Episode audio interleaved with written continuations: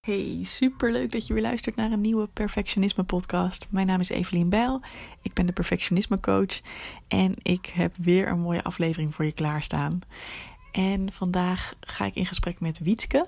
Wietske is een oud deelnemer aan Goed Genoeg en ik heb al vaker over haar verteld.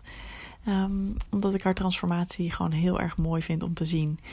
Toen ze bij mij kwam, was ze um, net afgestudeerd. En um, bereidde zij zich voor op een uh, uh, PhD. En nou, ik zal niet al te veel over de inhoud vertellen, want dat gaat ze zo meteen zelf delen. Maar zij kwam op een gegeven moment op het punt dat ze dacht: zoveel stress als ik nu heb en zoals ik me nu voel, dat wil ik niet lang meer volhouden. Dat ga ik ook niet lang meer volhouden. Daar geniet ik ook niet genoeg van mijn leven op deze manier. En ze, heeft, ze deelt in, deze, ja, in dit gesprek ook een paar hele mooie dingen waarvan ik denk: oh, daar kun je echt direct wat mee. Dus als jij nu in de positie zit dat jij je herkent in Wietske van twee jaar geleden, dan weet ik zeker dat jij hier een aantal hele bruikbare tips uit kunt halen. En minimaal dat jij zult gaan voelen van: oh wacht, ik ben niet de enige die hiermee rondloopt. Dus daarom ben ik ook onwijs dankbaar aan Wietke dat ze dit heeft willen delen. Um, wat we merkten is dat de internetverbinding bij Wietske iets minder stabiel was. Dus dat betekent dat je af en toe misschien even moeite zult hebben om exact te horen welke woorden ze gebruikt. Maar ik wil je vragen om dat als perfectionist een beetje los te laten. En om gewoon te kijken van welke algemene boodschap pik je eruit op. Vaak zal ik ook nog dingen herhalen, zodat je wel snapt wat er gezegd is. Um, het was even niet anders. Dit is even de, uh, het niveau van het internet en het, hè, de geluidskwaliteit die er is. En ik denk dat er, als je daar doorheen kan luisteren, desalniettemin super veel waardevolle pareltjes in zitten. Nou, heel veel luisterplezier en laat me zeker even weten wat je van deze aflevering vond. Uh, het fijnste vind ik als je een review wil achterlaten. Dus als je waar jij je podcast luistert een bepaalde beoordeling wilt geven en wilt meegeven wat jij fijn vindt aan de Perfectionisme podcast, zodat andere mensen hem ook kunnen vinden. Uh, en ik vind het ook altijd heel erg leuk als je op Instagram even laat weten wat je van deze specifieke aflevering vond. Je zult, uh, als je naar Evelien underscore bijl gaat, vanzelf de post van deze week vinden. En dan kun je daar even op reageren. Vind ik altijd heel erg leuk. Nou, heel veel luisterplezier en graag tot snel! Oh, superleuk jongens. Ik heb vandaag een heel bijzonder interview, namelijk met Wietske. Yay, Wietske, welkom hier. Wietske is een van de mensen die heeft meegedaan aan Goed Genoeg.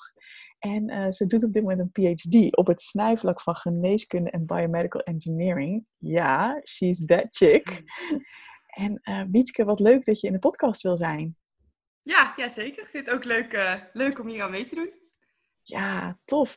Hey, voordat we zo meteen uh, allemaal lessen gaan delen van um, ja, wat je hebt geleerd in het loslaten van je perfectionisme, vind ik het heel mooi om even stil te staan bij voordat jij uh, in aanraking kwam met het programma Goed Genoeg, zeg maar. Hoe zag jouw leven eruit? Wat merkte je op dat moment van perfectionisme in jouw leven?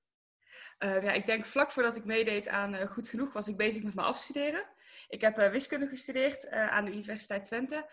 Um, en tijdens mijn afstuderen kwam ik mijn perfectionisme echt uh, keihard tegen. Ik had daar heel veel last van. Ik stond elke ochtend op met het idee van... vandaag moet ik een geniale ontdekking doen. Anders kan ik die PhD niet gaan doen. um, Hoe mooi is dat? en ja, dat gaf me heel, heel erg veel, veel stress. Zowel ja, mentaal als, als fysiek. Um, ja, dat was niet alleen denk ik op werkgebied. Ik wilde ook uh, privé, dus naast dat ik elke dag een geniale ontdekking van mezelf moest doen, ook nog uh, een goede vriendin zijn, mijn huis opruimen, um, ja, allerlei andere uh, verwachtingen van mezelf voldoen, sporten, gezond eten. Um, dus ik was daar denk ik allemaal vooral heel erg veel mee bezig. Ja, dus je wilde eigenlijk op het gebied van studie, op het gebied van sporten, op het gebied van hoe je huis was, je vriendschappen, wilde je eigenlijk zo, zo goed mogelijk doen. Misschien wel perfect doen allemaal. Ja, ja, ik wilde alles en alles perfect doen. Ook nog. Ja, precies. Je wilde alles tegelijk en alles moest dan ook nog perfect. En hoe, uh, hoe zag dat eruit? Want je zei net al, dat was best wel stressvol. Hoe, uh, hoe merkte je dat? Uh, ja, ik kwam bijna elke dag met hoofdpijn thuis hmm. van afstuderen. Um, ja, veel piekeren, veel allemaal daarover nadenken. Ehm, en het probleem was, er gingen ook heel vaak dingen wel goed. En er ging altijd wel één ding niet goed. Dan was één van deze dingen niet gelukt. En dan was ik alsnog uh, ontevreden. Ehm, dan kon ik in mijn hoofd echt afgaan van ja, nou ja, uh, werken ging vandaag wel goed. Maar ik heb heel ongezond gegeten. En dan vond ik dat dan toch weer uh, jammer. Of ik had geen tijd gemaakt voor die vriendin. Of dat telefoontje niet beantwoord. Um, dus er was altijd wel iets niet goed. Ik was vooral bezig met wat niet goed was en wat ik allemaal nog moest gaan doen. Hmm. Precies, dus eigenlijk was het dan ook heel moeilijk om gewoon tevreden te zijn met wat er allemaal wel goed ging, als ik het zo hoor. Ja, dat zag ik helemaal niet. Ik denk ook, uh, wat ik me heel goed herinner uit mijn studententijd, was dat ik altijd dacht, in het begin wilde ik gewoon een tentamen halen. En als ik hem dan gehaald had, wilde ik een 7. En zodra ik die 7 had, wilde ik een 8. En zo, zo stopte dat eigenlijk nooit. Mm. Um, ja, ik was eigenlijk nooit tevreden, omdat ik dan dacht, oh, nou, we kunnen nu dit, dan kan het ook nog beter. Ja, en hoe kwam dat? Dus, zonder dat je in een hele diepe psychologische analyse hoeft te gaan over je jeugd of zo. Dat mag overigens wel, maar, maar meer van wat voor gedachten zaten er bij jou dan dat je het idee had dat dat allemaal moest? Uh, ja, ik denk heel in essentie dat ik uh, mezelf altijd, dat hebben we ook wel vaak uh, besproken tijdens onze sessies. ik heb altijd het idee gehad dat ik een beetje op min 10 begon. Dus dat iedereen op 0 zat en ik op, op verdieping min 10. En dat ik mezelf naar boven moest werken. En voor mijn gevoel was de manier om dat te doen, alles heel erg goed te doen. Mm, uh, ja. ja. Een gevoel van eigenlijk sta ik op een achterstand en moet ik uh, heel hard mijn best doen om een beetje de rest te kunnen bijbenen. Of om ook goed genoeg te zijn, net als de rest van de mensen dat is. Ja.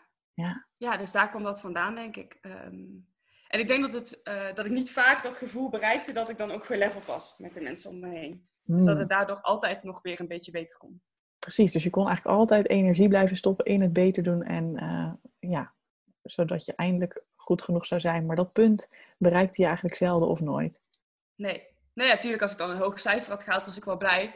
Uh, maar dan komt er een fase in je leven waarin het niet meer om cijfers gaat. En heel veel dingen in je leven uh, gaan al helemaal überhaupt nooit een cijfer. Dus je krijgt niet aan, aan, het eind van de week een mailtje met... je hebt een 10 voor je eten deze week. Of je hebt een 10 omdat je drie keer uh, hebt hardgelopen. Dat, dat gebeurt niet. Dus voor heel veel dingen moet je toch sowieso dat eigenlijk zelf uh, een beetje beslissen. Ja, dat herken ik dat, dat niet. Dat herken ik heel erg. En bij mij werd dat ook pijnlijk duidelijk toen ik begon met werken. Bij jou is het altijd je studie ook gebleken. Maar bij mij was het heel erg van, oké, in mijn studie kan ik in ieder geval nog zeggen, nou Evelien, je haalt in ieder geval goede cijfers. Dus daar was dan bij mij een soort van de, hè, dat, de geruststelling van, je doet het goed genoeg.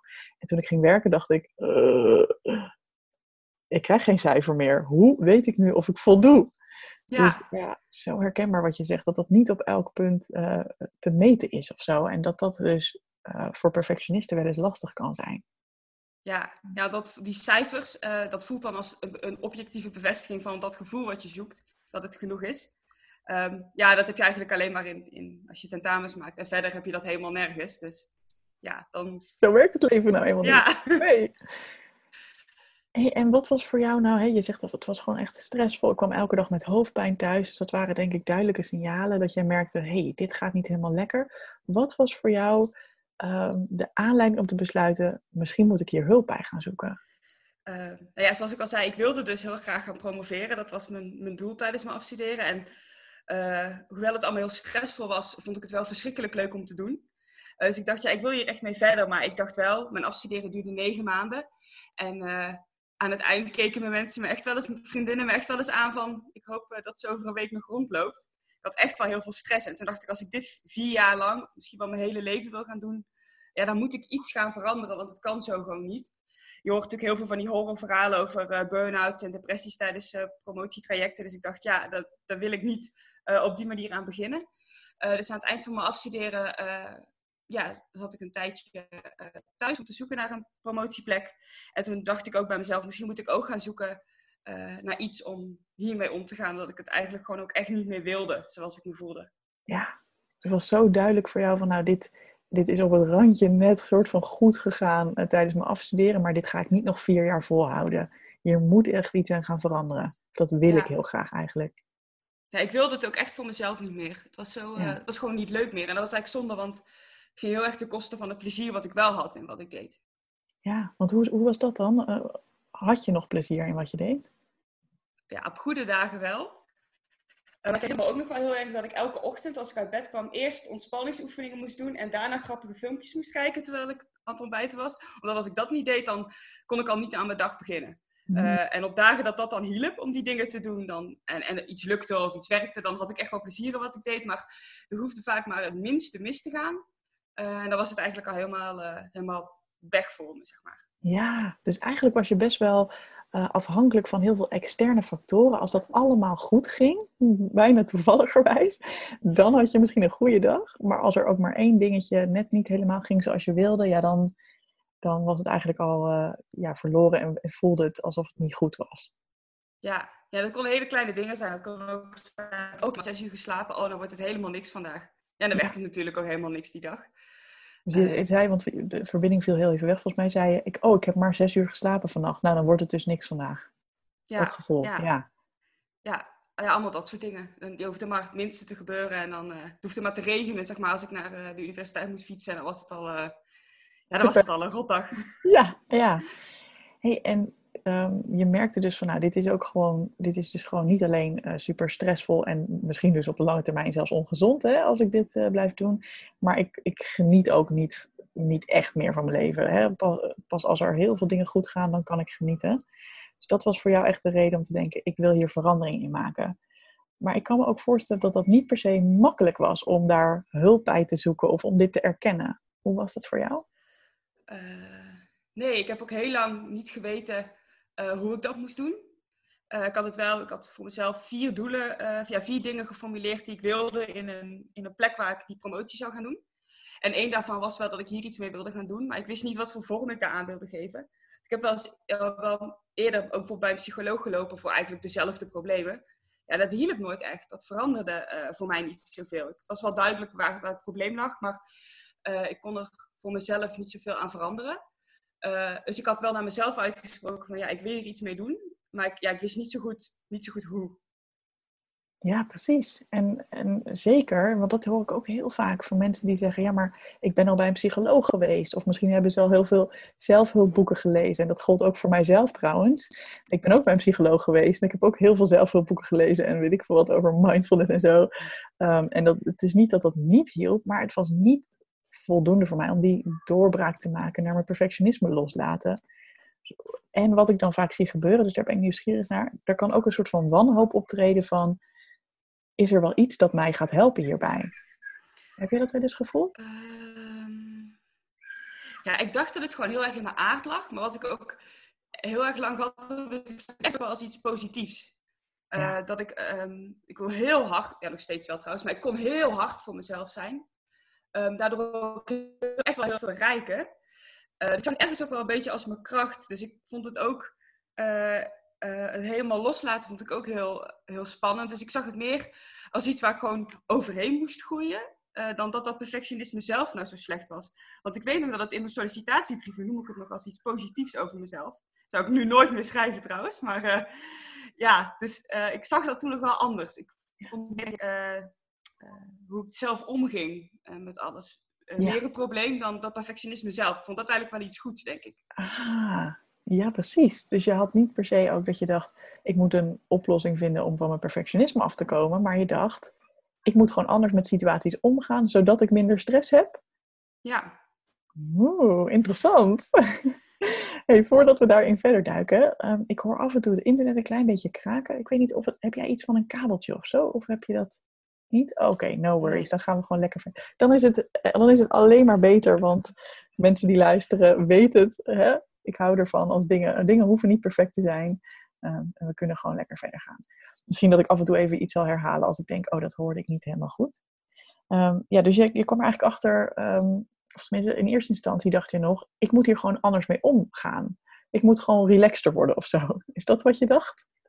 Ja, ja ik, ik, kreeg er heel veel stress van, en, van heel veel dingen. En ik dacht, ja, daar moet ik anders over gaan denken.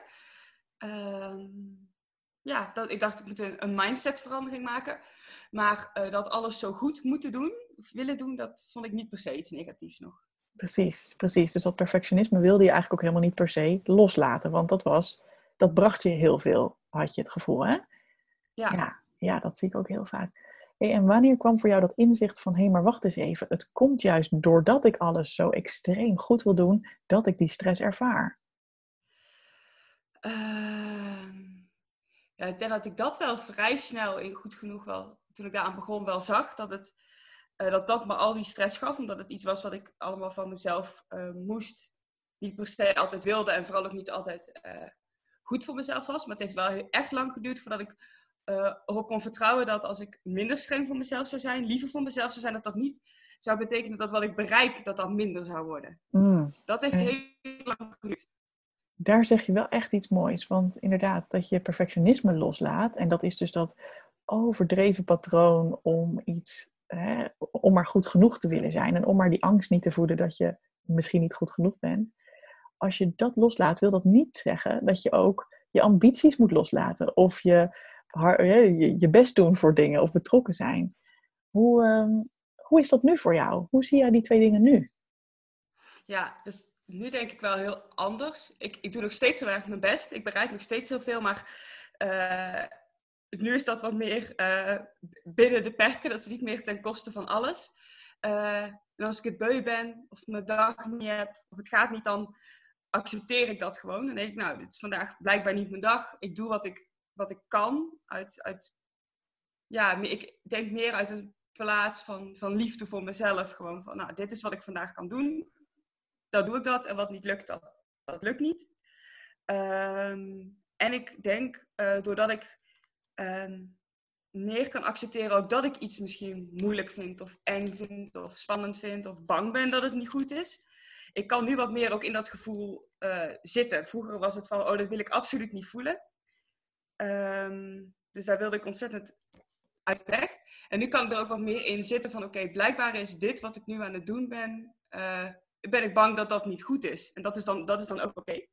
Wauw. Um, en daardoor juist denk ik dat ik uh, meer dingen, uh, uiteindelijk meer bereik met minder stress uiteindelijk. Wauw, en dit is echt zoiets, hier wil ik echt even bij stilstaan, want dat vind ik zo mooi. Ja, ik ben sowieso natuurlijk fucking trots op je, dat weet je ook. um, echt, als ik gewoon zie wat voor transformatie jij hebt gemaakt, dan denk ik, wauw, ik vind het zo knap en, en zo mooi en inspirerend ook voor anderen. Dus daarom vind ik het ook zo tof dat jij hier de tijd voor wil maken en jouw verhaal wil delen. Want ik weet ook dat dat spannend kan zijn uh, om het te delen, maar je doet het wel. Um, en dat wat je zegt van ja, we vinden vaak dat, dat die onzekerheid of die angst of dat ongemak, dat willen we absoluut niet voelen en daar bewegen we het liefst bij weg. Hè? En dan, oh nee, dat stoppen we weg, want dat kan ik niet gebruiken als ik mijn doelen wil bereiken of zo. Maar jij zegt nu, en dat is, daar geloof ik ook heel erg in, het is juist nodig om het te voelen, om er beter mee om te kunnen gaan en om juist sneller en beter je doelen te kunnen bereiken. Kun je daar nog wat meer, kun je, heb je daar een voorbeeld van bijvoorbeeld? Um, ja, ik denk uh, ik natuurlijk best wel vaak uh, stukken opsturen die ik geschreven heb. Um, en zeker vroeger uh, deed ik dat eigenlijk het liefst gewoon niet. Ik heb ook echt de eerste paar grote verslagen uit mijn studie ook altijd gewoon alleen maar de definitieve versie opgestuurd aan mijn begeleiders. ja, dat kan niet als je promoveert, dus dan moet je dat veel eerder gaan doen. En ik merk nu dat ik dat, dat wel gewoon kan. Dan denk ik, oké, okay, ik stuur het nu op dit is nu wat, wat in mijn ogen het beste is. En ik weet dat er nog ruimte is voor verbetering. Dus misschien is het inderdaad niet, niet, niet goed genoeg. Uh, maar ik ben niet meer bang uh, dat de feedback of het commentaar die ik daarop krijg, uh, de grote bevestiging gaat zijn dat het niet kan. Dat, dat geloof ik niet meer. Hmm. dus ik, ik, ik denk nog wel van, oh, spannend, weet je wel, het is mijn, mijn kindje dat ik nu weggeef. Um, maar ik doe het wel, omdat ik weet, ja, die, die spanning hoort er gewoon bij ja, betekent dat ik het belangrijk vind wat ik aan het doen ben. Precies, dus je labelt het ook heel anders. Hè? Dus waar je vroeger zou denken, ah, ik vind het heel spannend om mijn stukken op te sturen naar iemand die er feedback op gaat geven. Uh, en waar dat misschien toen dan was van, oké, ik vind het zo spannend, dat, dat betekent dus dat ik het niet moet doen. Hoor ik je nu zeggen, nee, ik vind het nog steeds wel spannend en kan nog steeds wel denken, oeh, ik hoop dat mensen het goed vinden. Maar ik mag dit gewoon spannend vinden. En ondanks dat ik het spannend vind, mag ik het toch opsturen. Want dat is ook gewoon nodig. En die feedback, daar, kan het dan weer beter van worden. Fucking awesome. Ja, ja ik denk ook dat ik het afgelopen jaar ga zien dat juist alle dingen die een beetje spannend en een beetje ongemakkelijk zijn, op een toch wel soort ergens een beetje een leuke manier, dat is juist de, de, de plek zeg maar, waar je uh, waar de groei zit, dus waar je vooruit komt. En als je altijd maar uh, heel bang voor alles wat spannend is, dat maar besluit doen, dan kom je ook uiteindelijk niet echt verder. Is het de volgende keer weer spannend. Uh. Ja, precies. Dus het is juist eigenlijk hè, een mooie tip voor iedereen die luistert. Als jij die spanning voelt, is dat niet een teken dat je iets verkeerd doet of dat er iets niet goed gaat. Het is eigenlijk een teken van, hé, hey, hier zit blijkbaar nog iets waar ik me in kan ontwikkelen en waar ik in kan groeien. En zeker wat je ook zegt, hè, als het niet is van, oké, ik vind het zo spannend, ik ga bijna dood hiervan, maar dat het gewoon is van, oh, ik vind het een beetje spannend, maar het, het is ook een beetje leuk. Het is ook de richting waar ik in wil. Ja. Hey, en zijn er nog meer um, dingen, Wietke, als jij nu terugkijkt, hè, want je, we vertelden, eh, we stonden even stil bij Um, nou, in eerste instantie had je dus helemaal niet eens door dat perfectionisme juist die stress veroorzaakte. Dus dat is echt een inzicht geweest van hé, hey, ik kan heel erg mijn best doen, maar ik hoef het niet perfect te doen. Uh, en dat dat juist heeft geholpen. Um, is er nog meer waarvan je denkt, wow, dit had ik me nooit gerealiseerd, maar dat voel ik nu heel anders, of dat doe ik nu heel anders? Mm. Ja, zoveel. Ik ben uh, uh, mijn tijd anders in gaan delen. Um, meer tijd uh, voor mezelf gaan maken. Um, ja, echt weekend nemen. Want hoe was dat vroeger? Ja, was niet echt een ding. Was eigenlijk altijd bezig met, met alles wat ik allemaal moest doen. Ehm, totdat ik eigenlijk instortte en dan was ik een paar dagen ziek. Of was, was, ja, deed ik even niks en dan het weer van vooraf aan. Um, ja, tegenwoordig uh, doe ik dat niet meer. Ik denk dat alle grote verandering die me net te binnen is. Ik had vroeger ook altijd een privé to-do-lijst. Dus alle dingen die ik in mijn, in mijn privé buiten werk om moest doen. En die bestaat al sinds een jaar eigenlijk niet meer. Soms hoor ik mensen nog wel eens zeggen: Ja, ik eh, ga op een zaterdag al, al mijn to-do's in huis afwerken. En ik moet altijd echt gewoon om me heen kijken om te bedenken wat ook alweer zou zijn. Ik doe dat gewoon niet meer. Wow. En wat voor, wat voor dingen waren dat vroeger dan? Wat voor dingen stonden er op jouw to-do-lijst? Oh ja, de dingen die ik schoon moest maken of de dingen waar ik, die ik moest regelen of waar ik mee moest dealen. Uh, maar ergens heb ik gewoon besloten van ja, ik, ik ben niet iemand, ik ben nooit te laat met dingen. Ik vergeet ook eigenlijk nooit iets. Dus ik ben er maar gewoon op gaan vertrouwen dat al die andere dingen die om me heen moeten gebeuren, dat die in me op zullen borrelen. Uh, en als ze niet komen, dat het dan blijkbaar ook niet belangrijk genoeg was. Wauw. Uh, hou natuurlijk wow. wel mijn mailbox gewoon bij. Dus in principe, ja. ik krijg wel een soort van een reminder. Maar vroeger had ik echt, bestond mijn hele leven uit to-do-lijstjes. En inmiddels heb ik alleen nog maar uh, ja, wat ik moet doen voor werk. Omdat dat nu eenmaal echt moet gebeuren. Maar verder ja. uh, doe ik dat niet meer. Precies, dus eigenlijk um, maak jij voor jezelf niet nog een extra druk in jouw hele privéleven. Want dat is natuurlijk vaak, hè, we hebben een soort van druk en verplichtingen in werk. Vervolgens zijn we vrij, tussen aanhalingstekens. En dan gaan we onszelf alsnog heel veel dingen opleggen. En daar ben je dus eigenlijk gewoon mee gestopt. Ja. Wat, heeft jou daar, wat heeft jou daarin geholpen om dat gewoon te kunnen zeggen, nou weet je wat, laat maar, ik ga het gewoon niet meer doen. Ja, het is gewoon heel geleidelijk gegaan. Uh, op een gegeven moment begon ik meer te zien, denk ik, wat uh, echt belangrijk voor me was. En ook misschien meer de ballen te hebben om dan ook te besluiten van, nou, ik, vind dit niet belangrijk genoeg, ik ga het gewoon niet meer doen. Uh, ja, op een gegeven moment ben ik gewoon gestopt met het op te gaan schrijven. Ik, tegenwoordig houd ik echt een soort dagboek bij eigenlijk. En vroeger was dat gewoon een to-do-lijst. En die to-do-lijst is heel langzaam door de jaren heen uh, veranderd in, uh, in een dagboek. Wat veel meer gaat over hoe ik me voel, waar ik zin in heb. Mm, mooi. Heel mooi. Als we het over dat dagboek hebben, dat vind ik sowieso wel leuk. Want ik kreeg ook laatst uh, een appje van je. En um, uh, toen zat je heerlijk met volgens mij kaarsjes aan of zo. Of misschien heb ik dat erbij gefantaseerd. Ja, ja, ja, ja, lekker... kaarsjes. ja, kaarsjes aan. Zat jij lekker echt even me-time te nemen door uh, te journalen en even op te schrijven hoe je je voelde. Hoe zou de Wietske van pak een beetje twee jaar geleden daarna hebben gekeken als ze dat wist dat jij dat ooit zou gaan doen? Ah, die had dat niet geloofd. Ik, uh, ik zat gisteren ook dat, dat nog terug te lezen en toen had ik opgeschreven, uh, hadden we een gesprek gehad dat ik elke dag iets goeds op moest gaan schrijven. En ik vond dat heel, uh, een hele rare, rare opdracht. En nu doe ik dat elke dag. Nee, ik had dat niet. Ik, mijn leven was één grote to-do-lijst. Alles was gecontroleerd door de dingen die ik nog moest gaan doen. Ja. Dus een dagboek schrijven, dat, dat paste daar helemaal niet in? Nee, dat ik me nooit afvroeg hoe ik me voelde. Ik weet ook dat ik met dat dat was uh, iets van twee jaar geleden ook al wel een soort van dagboek. Uh, want ik had ooit ergens gelezen dat succesvolle mensen uh, elke week opschrijven wat goed ging, wat beter kan en waar ze mee willen beginnen. Um, en dat doe ik nu ongeveer elke week. Maar toen interpreteerde ik dat meer als: oké, dus dit ging allemaal niet goed. Dus volgende week moet je dit, dit en dit doen. Um, en ja, is, ik, ik zag dat heel anders dan. Ik denk dat ik me geen seconde afvroeg hoe ik me nou echt voelde, maar meer gewoon wat ik allemaal nog moest en wat er beter kon. En, ja. Precies, dus die focus lag heel erg op ook de toekomst en wat er beter moest. En als je al naar het verleden keek, dan was het vooral inderdaad wat ging er niet goed en wat kan de volgende keer anders. Um, en als ik het zo hoor, is het nu dus veel meer van: hé, hey, hoe gaat het eigenlijk met mij? Wat voel ik? Wat heb ik nodig om weer verder te kunnen? Wat, wat voor gevoel geeft dat? Wat is dat voor, ja, als je, als je het in gevoel zou moeten omschrijven voor en na, zeg maar? Ja, dit brengt me veel meer rust. En uh, ik weet ook beter uh, wat ik voel. Dus als ik nu uh, me ongemakkelijk bij iets voel of iets spannend vind of, of moeilijk vind. Of verval in oud gedrag, want nu klinkt het net alsof ik een of andere zen-boeddhist ben die door het leven ga. Dat is zeker niet waar. Uh, maar dan kan ik het wel veel beter voor mezelf plaatsen, zodat ik me afvraag van wat, wat, voel ik in plaats van wat, wat, moet ik? Of dit gevoel mag er niet zijn. En, dat, ja. Ehm, en het is nu een soort van, van automatisme geworden eigenlijk. Ja, vertel eens, want dat, dat is ook zo mooi. Hè? Van, uh, het is heus niet zo dat als jij in, uh, hè, als iemand in zelfontwikkeling gaat investeren, dat je dan na een traject nooit meer uh, iets negatiefs meemaakt of je niet goed voelt.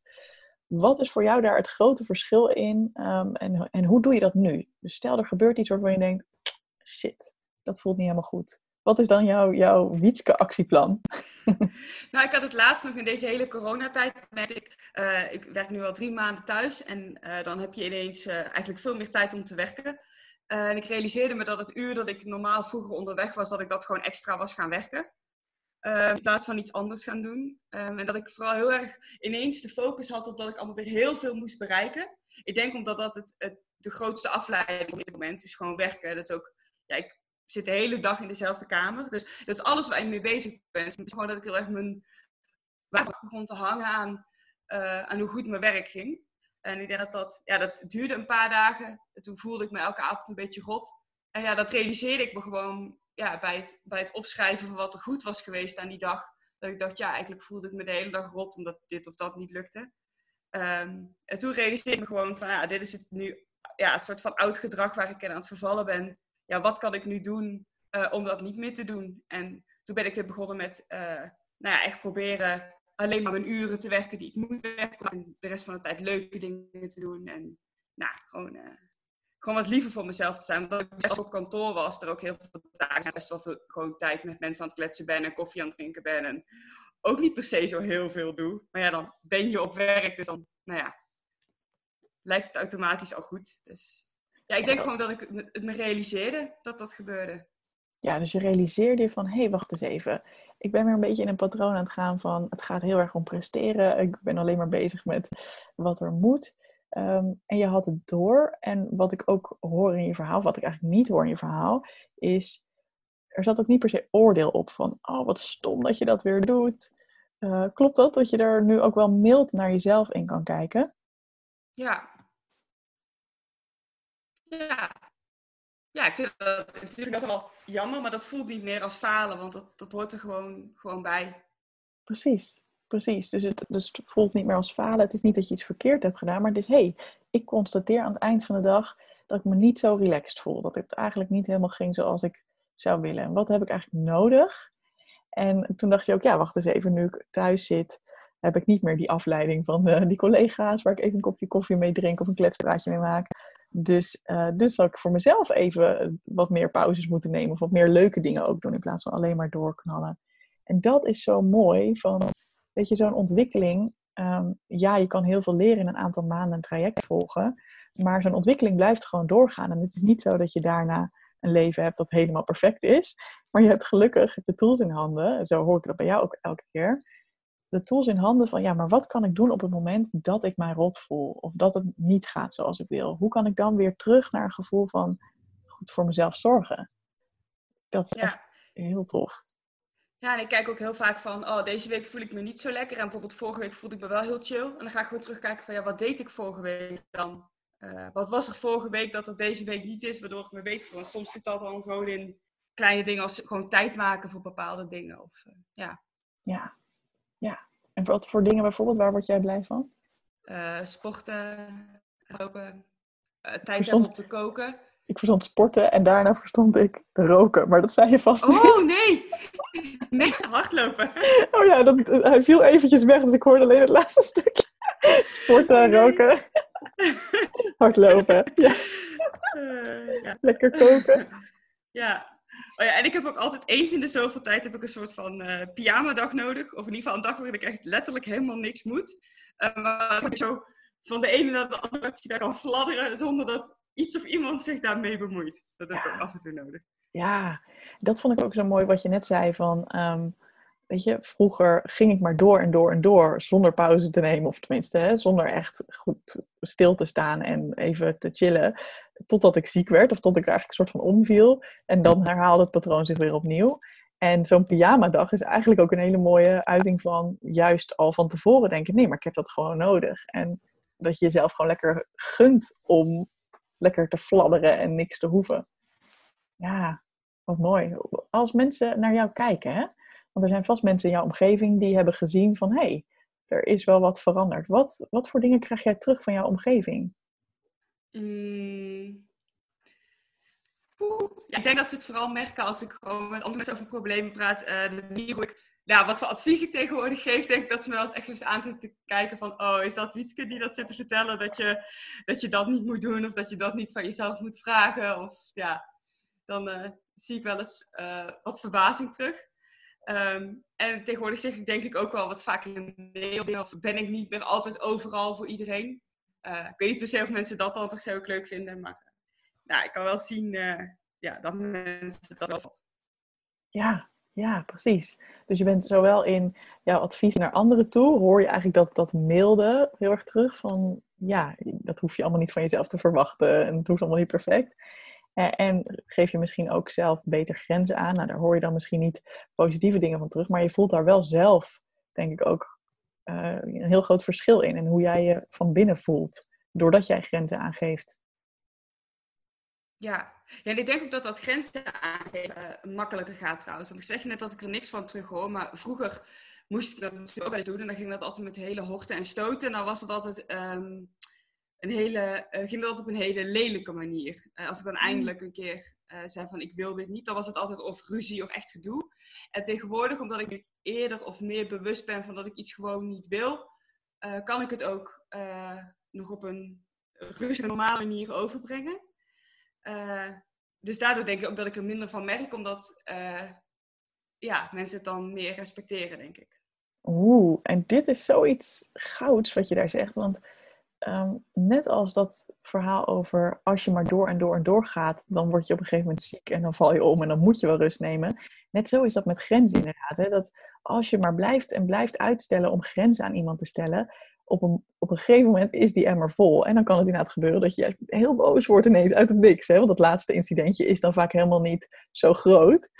Um, dus zo mooi dat je ook merkt van ja, ik moet gewoon eerder rust nemen en eerder grenzen aangeven. En dan kan het namelijk op een hele relaxte manier. Dan hoeft het geen drama te worden. Ja, knap. Ja. ja, ik vind het echt mooi. Want wat ik ook heel leuk vind aan jou en jouw verhaal is hoe jij uh, daarop reflecteert. En ook met veel humor vind ik dat je daar altijd over vertelt. Van, wow, moet je me nou eens zien zitten hier? Wie had dat gedacht? Weet je wel, dat vind ik echt, dat vind ik echt heel erg leuk. Oh, als jij kijkt, en want wat ik ook heel tof vind aan jou is, uh, je hebt in jezelf geïnvesteerd door mee te doen aan goed genoeg, maar ook daarna uh, in andere dingen. Hoe is dat veranderd, dat perspectief op in jezelf investeren? Want dat was denk ik anders, hè, twee jaar geleden. Ja, nee, deed ik helemaal niet ik weet ook dat ik het ook heel spannend vond om hier aan mee te doen. Het was ook echt een, echt een supergoede aanbieding was. En dat ik echt dacht van, nou oké, oké, laat ik het dan maar doen. Uh, maar ik vond dat heel, uh, heel moeilijk om te doen. Maar tegenwoordig eigenlijk, ik denk, ja, als ik tegenwoordig dan vakantiegeld krijg of een dertiende maand krijg, dan geef ik dat tegenwoordig altijd uit aan iets leuks voor mezelf. En ik denk dat dat het afgelopen jaar was ook altijd iets van een boek of een cursus of een zelfontwikkelingsding was. als ik dat aan het doen ben, dan denk ik, oh, ik ben echt zo'n zelfontwikkelingshippie geworden. Het zou passen uh, ja, maar wie ik hiervoor was. ik merk wel dat ik dat uh, nu in ieder geval heel belangrijk en heel leuk vind om, uh, om mee bezig te zijn. Ja, en, en wat ik er ook in hoor, ik weet niet of dat klopt, je gunt het jezelf nu dus ook. Om gewoon iets leuks voor jezelf te doen. En waar het misschien inderdaad in het begin een heel spannend idee was van, oh, ga ik nu geld in mijzelf stoppen? Mag dat wel? Kan dat wel? Klopt dat? Ja, ja ik, ik vond dat in het begin gaan doen. Terwijl nu uh, zou ik heel raar om te doen. Ik, ik, verstond het niet goed, sorry. Wat in het begin? Ik vond dat begin, in het begin vond ik dat heel raar en eng om te doen. Ja, ja. Uh, ja, en nu zou ik echt ieder willekeurig bedrag ervoor... Het is eigenlijk onbetaalbaar, wat ik afgelopen jaar geleerd heb. Dus zou ik ieder bedrag opnieuw, uh, opnieuw inknallen. Ja, hoe komt dat? Wat, wat is er zo onbetaalbaar aan deze ontwikkeling?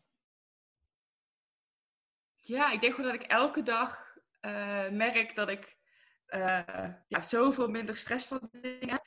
Um, ja, inmiddels ben ik ook echt wel een beetje gaan geloven in uh, ja, dat wat je jezelf, voor je, jezelf heel erg gunt, dat dat uiteindelijk op een manier op je afkomt. als je daarvoor open kan staan. Ja, dat, dat, zag ik vroeger dingen niet en zie ik nu dingen wel. ja, ze heeft gewoon, gewoon heel veel voor me veranderd. En ik denk als ik dit niet had gedaan, weet ik niet of ik hier vandaag zo nog had gezeten. Ik denk dat ik dan uh, veel meer stress had gehad, sowieso. Mm. Mm. Wauw, heel mooi. Ik vind echt dat je al superveel mooie tips hebt gedeeld, mooie waardevolle inzichten. Is er nou nog iets waarvan je denkt, oh, als er nu een perfectionist aan het luisteren is, hè? dus misschien wel iemand die zich voelt zoals Wietke een jaar of twee geleden. Wat zou je diegene willen meegeven? Uh, ja, ga proberen. Uh, als je voelt van, van ik, ik wil dit zo niet meer. Uh, maar aan de andere kant ook heel bang bent, denk ik, om het los te laten. want voor mij voelde wel al die en al, al dat streng zijn voor mezelf ook als het enige waar ik nog controle over had. in, die, in die hele stress, wervelwind waar ik in zat. ga toch proberen zoek iets goed voor je voelt, wat bij je past. Um, en ik denk hoe je kan weten, als ik nu terugkijk, of iets bij je past, is als het spannend is, maar ook, ook, ja, ook een beetje enthousiast wordt. Ja, investeer daar gewoon in, want slechter, slechter kan je er niet van worden. Ik denk eigenlijk alleen maar, alleen maar beter. Mm, mooi. Um, ja, en nu, nu ja, eh, zou ik zeggen dat ik wat meer zo'n zelf, een zelfontwikkelingshippie geworden ben, maar dat was ik vroeger ook echt helemaal niet. Ik had uh, een jaar geleden echt nul, uh, nul boeken daarover. En uh, ja, ik was, ja, dus, ja, je kan niet, hoe zeg je dat, niet de goede persoon zijn om aan zoiets niet te beginnen, zeg maar. Precies, dus zelfs als jij nu iemand bent die denkt van, ja, maar dat is toch niks voor mij, of zo zit ik niet in elkaar. Heel mooi de woorden ook die je gebruikt van, als je het enerzijds een beetje spannend vindt, maar als je er ook wel een beetje enthousiast van wordt, dat is een mooie indicatie om daar meer over uit te gaan zoeken of om aan iets mee te gaan doen. Ja, ja. Awesome. Is er nog iets anders waarvan je denkt, oh Evelien, ik had, nog, ik had het nog daarover willen hebben, daar heb je me nog niet naar gevraagd. Ja, nee, nee, ik zou het zo niet, uh, zo niet weten. Cool. Ik vond het echt heel erg leuk om je hier te spreken. En uh, ja, ook gewoon heel tof dat, ja, ik kende jouw verhaal natuurlijk al, maar dat nu meer mensen jouw verhaal mogen gaan horen. Dus onwijs bedankt dat je hier wilde zijn en dat je het wilde delen. En uh, wij houden zeker contact. Ja, heel graag gedaan. En, Tot de volgende podcast, mensen. Hey, vond je deze podcast te gek? Check dan zeker even mijn online programma Goed Genoeg, speciaal voor perfectionisten. Want heel eerlijk, in je eentje kun je ook een heel eind komen met het loslaten van je perfectionisme. Maar als je meedoet aan dit programma, heb je alle tools in handen om veel sneller deze ontwikkeling door te maken. Ga naar doelgerichtecoaching.nl/slash goed genoeg en wie weet zie ik je binnenkort.